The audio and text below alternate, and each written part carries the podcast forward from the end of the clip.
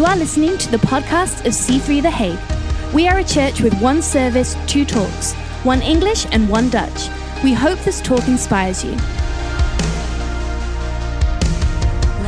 Revelation 2, and, uh, and then we'll pray and uh, we'll get into it. And today I have printed out my message on paper the good old fashioned way. Here we go. So, write this letter to the angel of the church in Ephesus.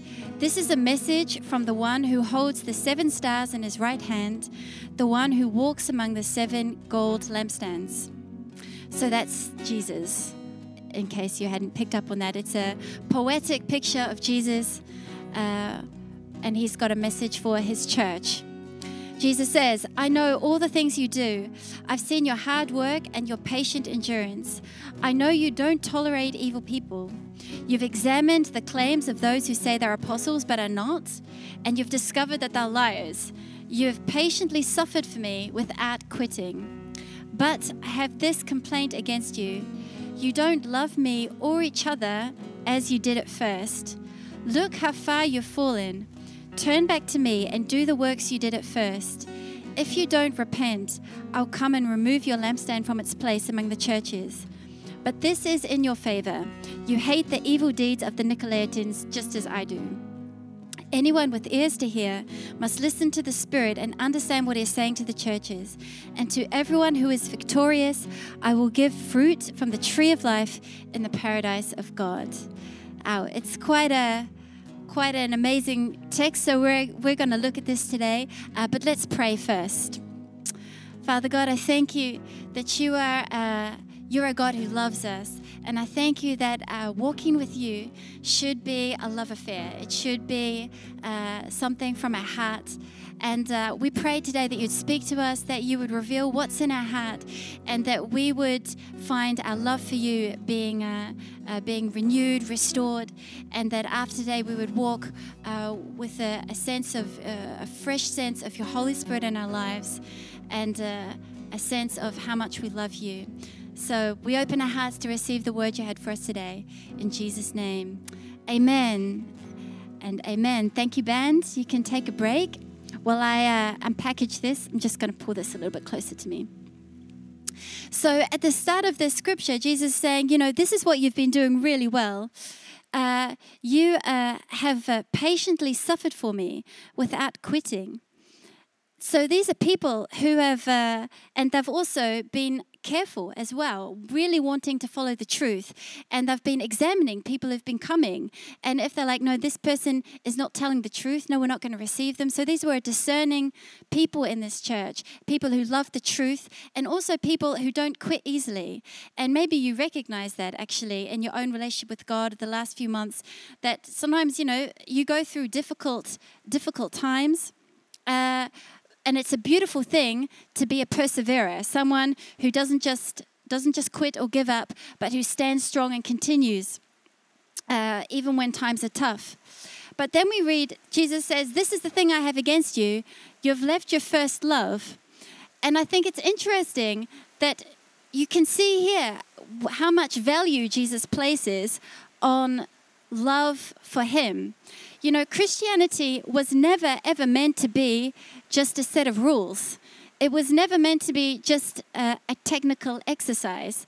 Too often in history, Christianity or the church has been nothing more than a place you go to because you have to go to it, because everyone goes to it and it's just what you do. You read the Bible because that's what you do. And, uh, you know, without a relationship with God, Christianity is nothing more than a set of do's or don'ts. But we see here how passionate Jesus is about, about it not being that way. Actually, he's like, listen, you've been doing the right stuff, but if you're not really loving me, he actually says, I'm gonna, I'm gonna take this church away. Jesus is not, he doesn't want us to just come and do church because we feel that we have to, or because it's it's just, you know, we're trying to just please him because, you know, if, we, if we're not really feeling it, Jesus is like, I don't want it. He's like, our, our relationship, it should be, it should be real and it should be loving. Now, we have in our church at the moment a number of couples who are about to tie the knot, and one of them was just playing guitar with us here today, Mark and Veronica. This is their big week. Uh, send up a prayer for them on Thursday as they say, I do. And uh, immediately the day after uh, is Nanette and Hugo. So, big week for you guys. Shout out Mark and Veronica, Nanette and Hugo. And then a few weeks from now, uh, Ruth and Lika. Hi, Ruth. Hi, Lika.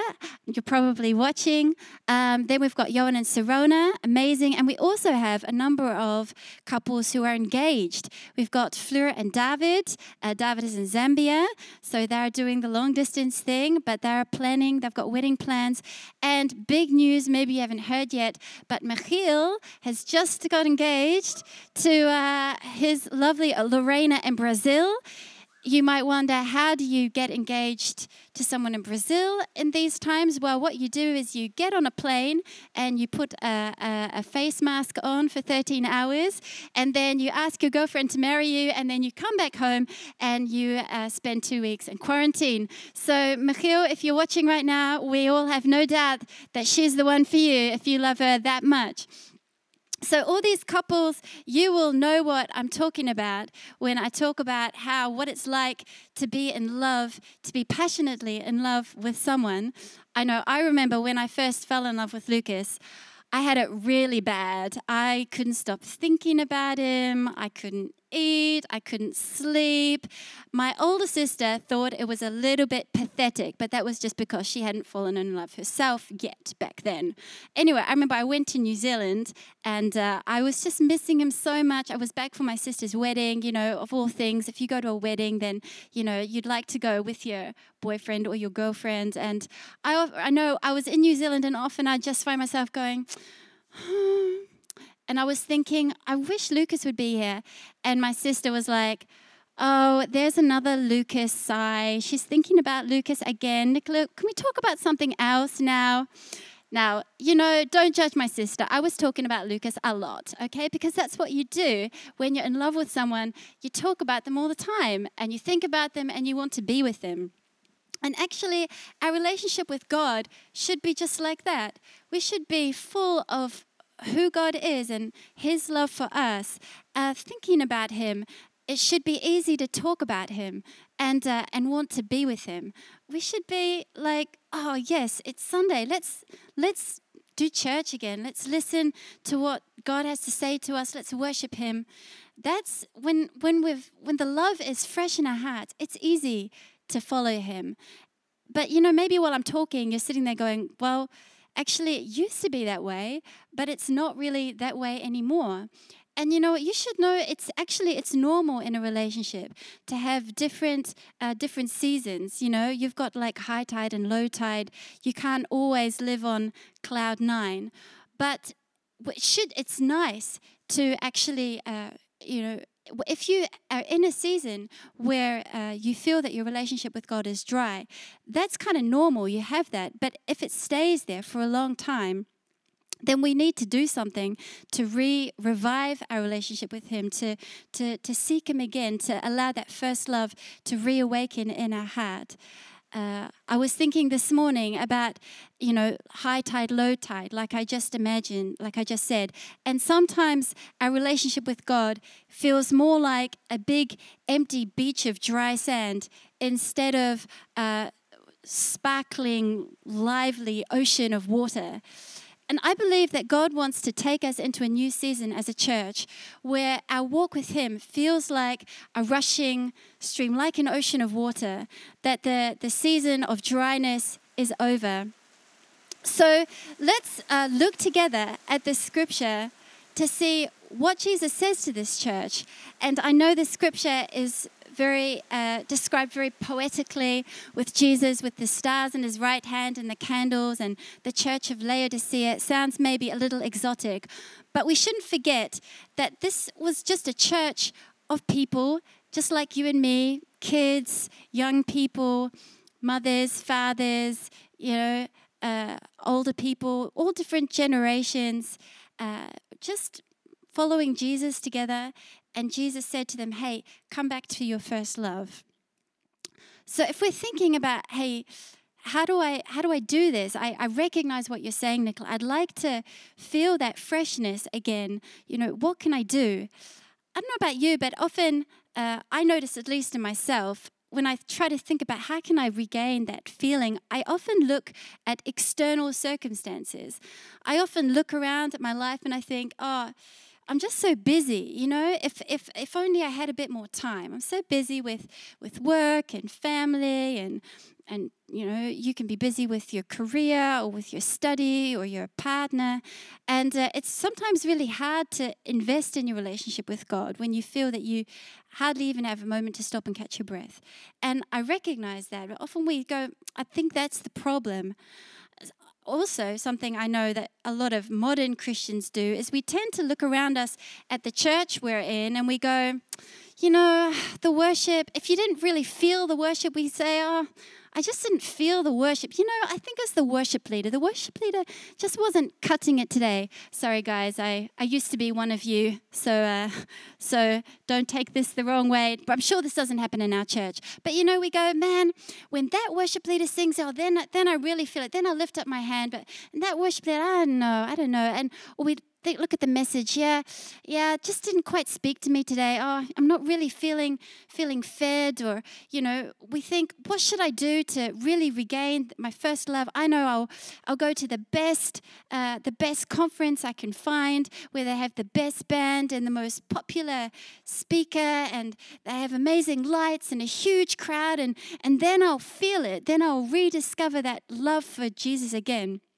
Now, don't get me wrong, because I really love conferences. And actually, you know, these moments where you're gathered with many other believers are often truly inspiring and often a time when I do feel refreshed. But if that is what we're relying on, then right now we've got a problem. I mean, right now in the Christ, we, all the conferences have been cancelled, and now we have to worship God in our living room in daylight you know, like now we have to worship God just, well, just because we love Him. And you might be feeling, and i have also felt that what's left of your relationship with God when all these things are stripped away, when there's no big light show or no, you know, amazing service, service or inspiring service that you can go to, where does that leave our love for God? And I have, uh, I have good news, but it's kind of challenging news too, because the answer is in this scripture where Jesus says, "This I have against you: you have uh, you don't love me as much as you did." And then this is what he says. He says, "Look how far you've fallen." So in other words, remember those times. Remember what it was like when you really, really were passionate about God. And then he says, "Turn back to me. Do the works you did at first. And if you don't repent, I'll come and remove your lampstand from its place among the churches." And I think that's so interesting. He says repent. And I think that's kind of a, a surprising answer, especially in our generation, because we're often told, or we sort of get this subtle message that uh, our feelings, we can't argue with our feelings. Our feelings are fact. And uh, if I don't feel it, well, I can't make myself feel it. I just don't feel it. You know, we live in a in a, an age or in a time where marriages are often ended these days just because people say, "I don't feel it anymore," as if we have no control or no power over what we feel. And here we're saying, "Yeah, I don't feel the first love," and Jesus says, "Well, you need to repent." Now, you might go, "Whoa, this is a this is a tough message and this is a this is a mature message today for you. So i hope you i hope you're gonna love it. Say an out loud amen if you're ready to hear it. I'm preaching the word of god here. Oh good thanks. I'm getting some amens from the band. Um, but uh, you know jesus said if you've left your first love you should repent and then the next, well, actually, what I want to say, the good news is, he's saying we need to take responsibility for our relationship with God and not look at all the external factors. Don't say, well, God, I can't really worship you with everything I have because I'm just in my living room with five other people. You know, it's like God is God. We need to take responsibility and say, actually, you know, maybe it's not all the external factors. Maybe it's something that I can do. And it's good, it's challenging, but it's good news because it means that refreshing is just around the corner. It means your first love, you can get it back. It can come back. And the first step, the first step, Jesus said, is to repent. And the next question is, of course, well, what should I repent from? And I just want to take you to a really interesting uh, parable that Jesus tells in Matthew, Matthew 13, I believe, where he compares our heart to a field. And the farmer sows its seed on the field where the word of God gets sown into our heart. It's like a heart is like is like dirt or like a plot of land that it grows. And it says the word of God grows in our heart. And our heart can have all different kinds of conditions. And one of the, the, the conditions he describes is a heart where thorns and, and weeds grow up and choke the word of God. And he's saying, actually, I'll read it as Matthew, uh, Matthew 13, 22. He said, The seed that fell among the thorns represents those who hear the word of God, but all too quickly the message is crowded out by the worries of this life and the lure of wealth, so that no fruit is produced. So he's saying that we can have God in our lives, but if cares and worries, we've got cares and worries on the one hand, and we've got uh, the lure, or in other translations, talk about the love of wealth or riches or material things. That, on the other hand, if we allow these things to grow up and take room in our life, then eventually our love of God will dwindle. It will, it will become smaller, while other things have more room in our lives. And it's very natural and normal to have worries and anxieties and questions. And that's a normal human condition and it's not it's not wrong. But what we need to be careful of is that these cares that they don't start taking over, that they don't become bigger than us than our relationship with God. Regularly, we need to have times that we give our cares to God and we make a decision to trust Him and say, you know what? I've been thinking a lot about this problem lately. Right now, I'm going to submit that problem to Jesus. I'm going to I'm going to give that to you. Another scripture says, "Cast all your cares on him because he cares for you." When we come to Jesus, we, we bring the things that we're worried about and we, uh, we give them to Him, and He remains number one in our lives. You know, something I started doing at a young age, which has actually sort of stayed with me. I started doing this as a student when I was really worried about studying for the next exam. And I would have a dilemma. One part of me would say, I have to study, I have to study. I can't afford to go to church. I can't afford to go to the meeting. I need to stay home and study. And then at one point, I just made a decision you know what? I'm going to study as much as I can, but I'm going to get to church, and it's like I'm going to tithe my time. I'm going to give the first part of my time to God. And uh, I started doing, I must have been like 14 or 15. I'd just be worried about the English test the next day. And I'd do what I can, but I'd still go to church and I'd trust God. I'm like, well, God, here I am worshiping you. I'm going to trust you that you're going to take care of my English test. Now, I didn't say I didn't study for the English test. I just said I worked around it. And that was my way of putting God, keeping God at number one and not letting the cares take over. And that was something that really helped me. In the end, I, I ended up passing all my tests and, uh, and having a great relationship with God at the same time. And I noticed that set me up. I kept on doing that through, through life. When I stopped studying, it wasn't the English test. Now, for me, sometimes it's tidying my house. I really, really like to pray in a clean house, but sometimes I'm like, you know what? It's either prayer or it's a tidy house. Sometimes I just have to choose the prayer, right? I'm just going to put you first and trust you, God, that my house will get tidy somehow, somewhere later on. And otherwise, I'll just live with an untidy house for another hour because prayer is more important. And you know what your thing is. What's the, the thing that's stopping you from getting away with God? Cares and, and worries, they're normal, but we need to keep Him in their place. And the other thing Jesus talks about is the, the, the desire for, for wealth and riches. And you know, there's actually nothing wrong with enjoying earning money and enjoying spending it. Are there any, uh, are there any people out there who like online shopping? I uh, have become a big online shopping fan, especially in the last few months. Our doorbell regularly goes and packages arrive, and I love it. Okay? And that's not wrong. It's not wrong to buy a really nice holiday, go somewhere, enjoy it. It's not wrong to sit down and enjoy friends over or a glass of wine. Or, you know, these days we also we love we love our phones. We love our apps. We love watching YouTube films, you know, the films with all the, the cute cats and the people falling over doing stupid things. You know, you could sit there all night watching that stuff, and it's not wrong. But uh, if that stuff starts to take over, then we don't have as much room in our life anymore for God you know, I have a garden at home, and I've uh, I've discovered, to my surprise, that I actually really love gardening. I always thought gardening was kind of boring, but I'm telling you, when you actually see something you've planted start to grow, I, I feel really proud. I'm really excited. Oh, look at the little green leaves! I go out every morning, and I know it sounds nerdy, but I really love it. Okay, Anyway, I've discovered it's not just the weeds that grow and ruin your garden, but sometimes also good things can ruin your garden. I remember the first year that we had a garden, I planted mint.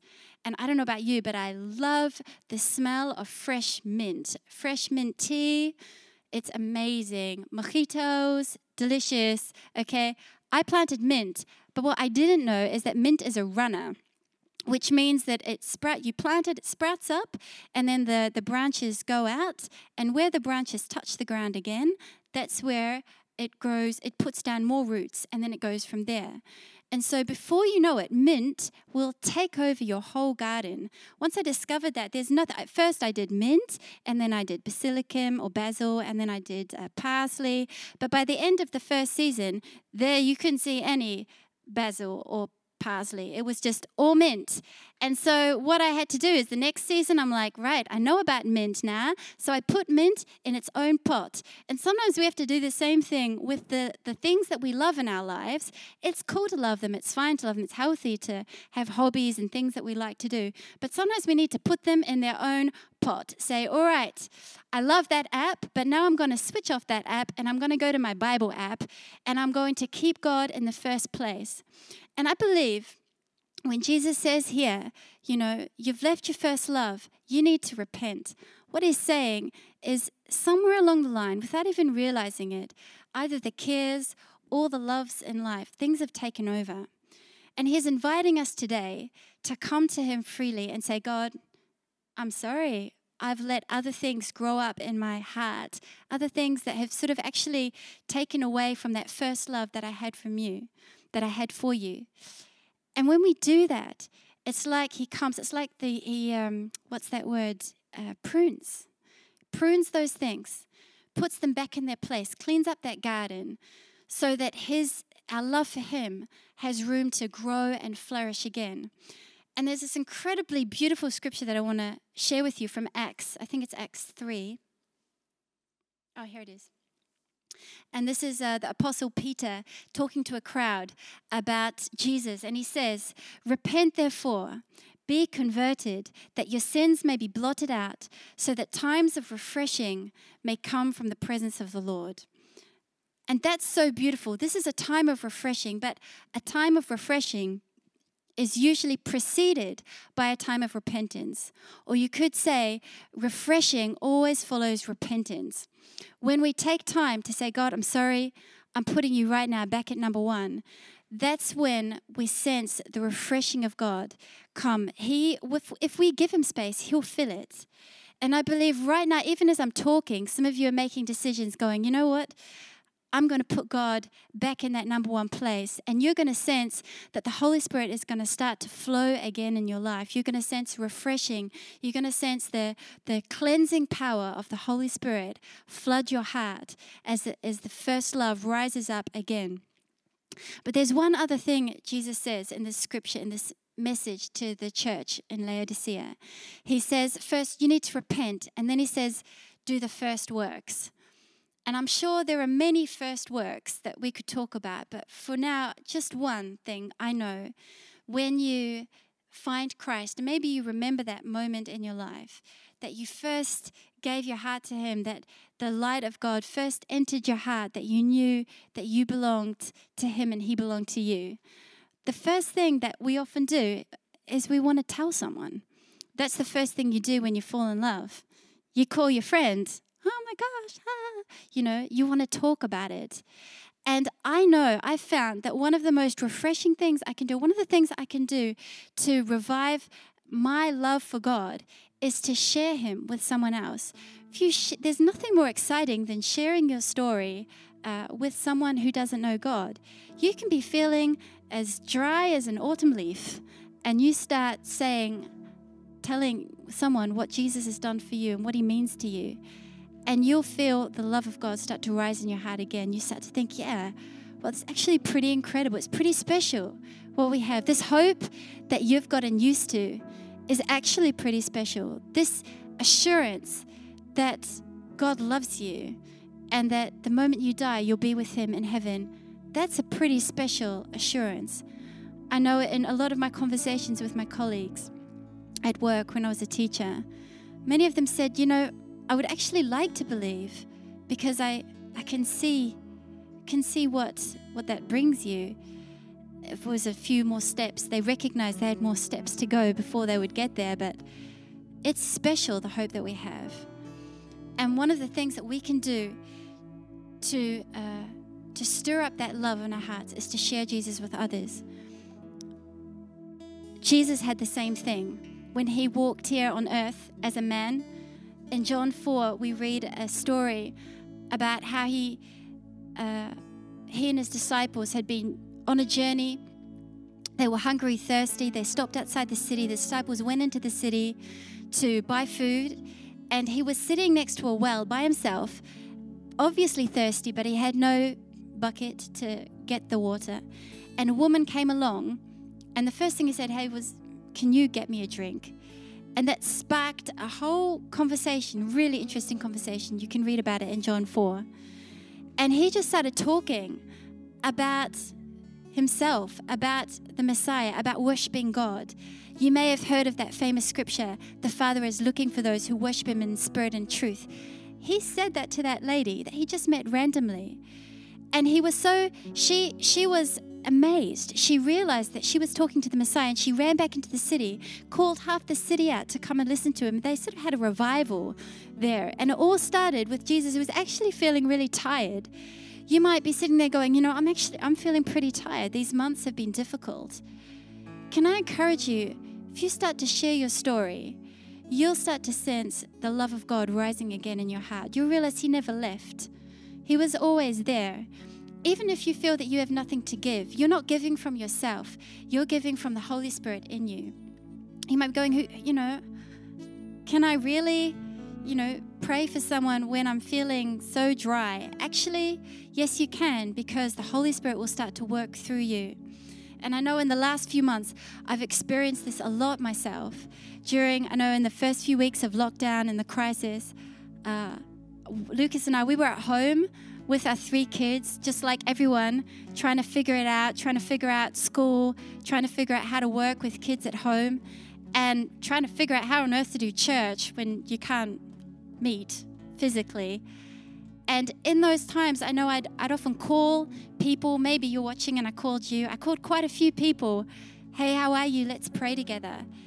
And the interesting thing is, while I was calling other people to see how they were, I noticed in my conversations that I would hang up often feeling refreshed and encouraged myself. Maybe you're watching and I called you. Well, I'm actually, you encouraged me. You didn't even know it. Just praying together build me up in my faith. I was thinking, yeah, God is with us. We're going to get through this. Doesn't matter how you're feeling. Once you start, our, our relationship with God is like a it's like a carafe of water. It's like a, a pitch a pitcher of water.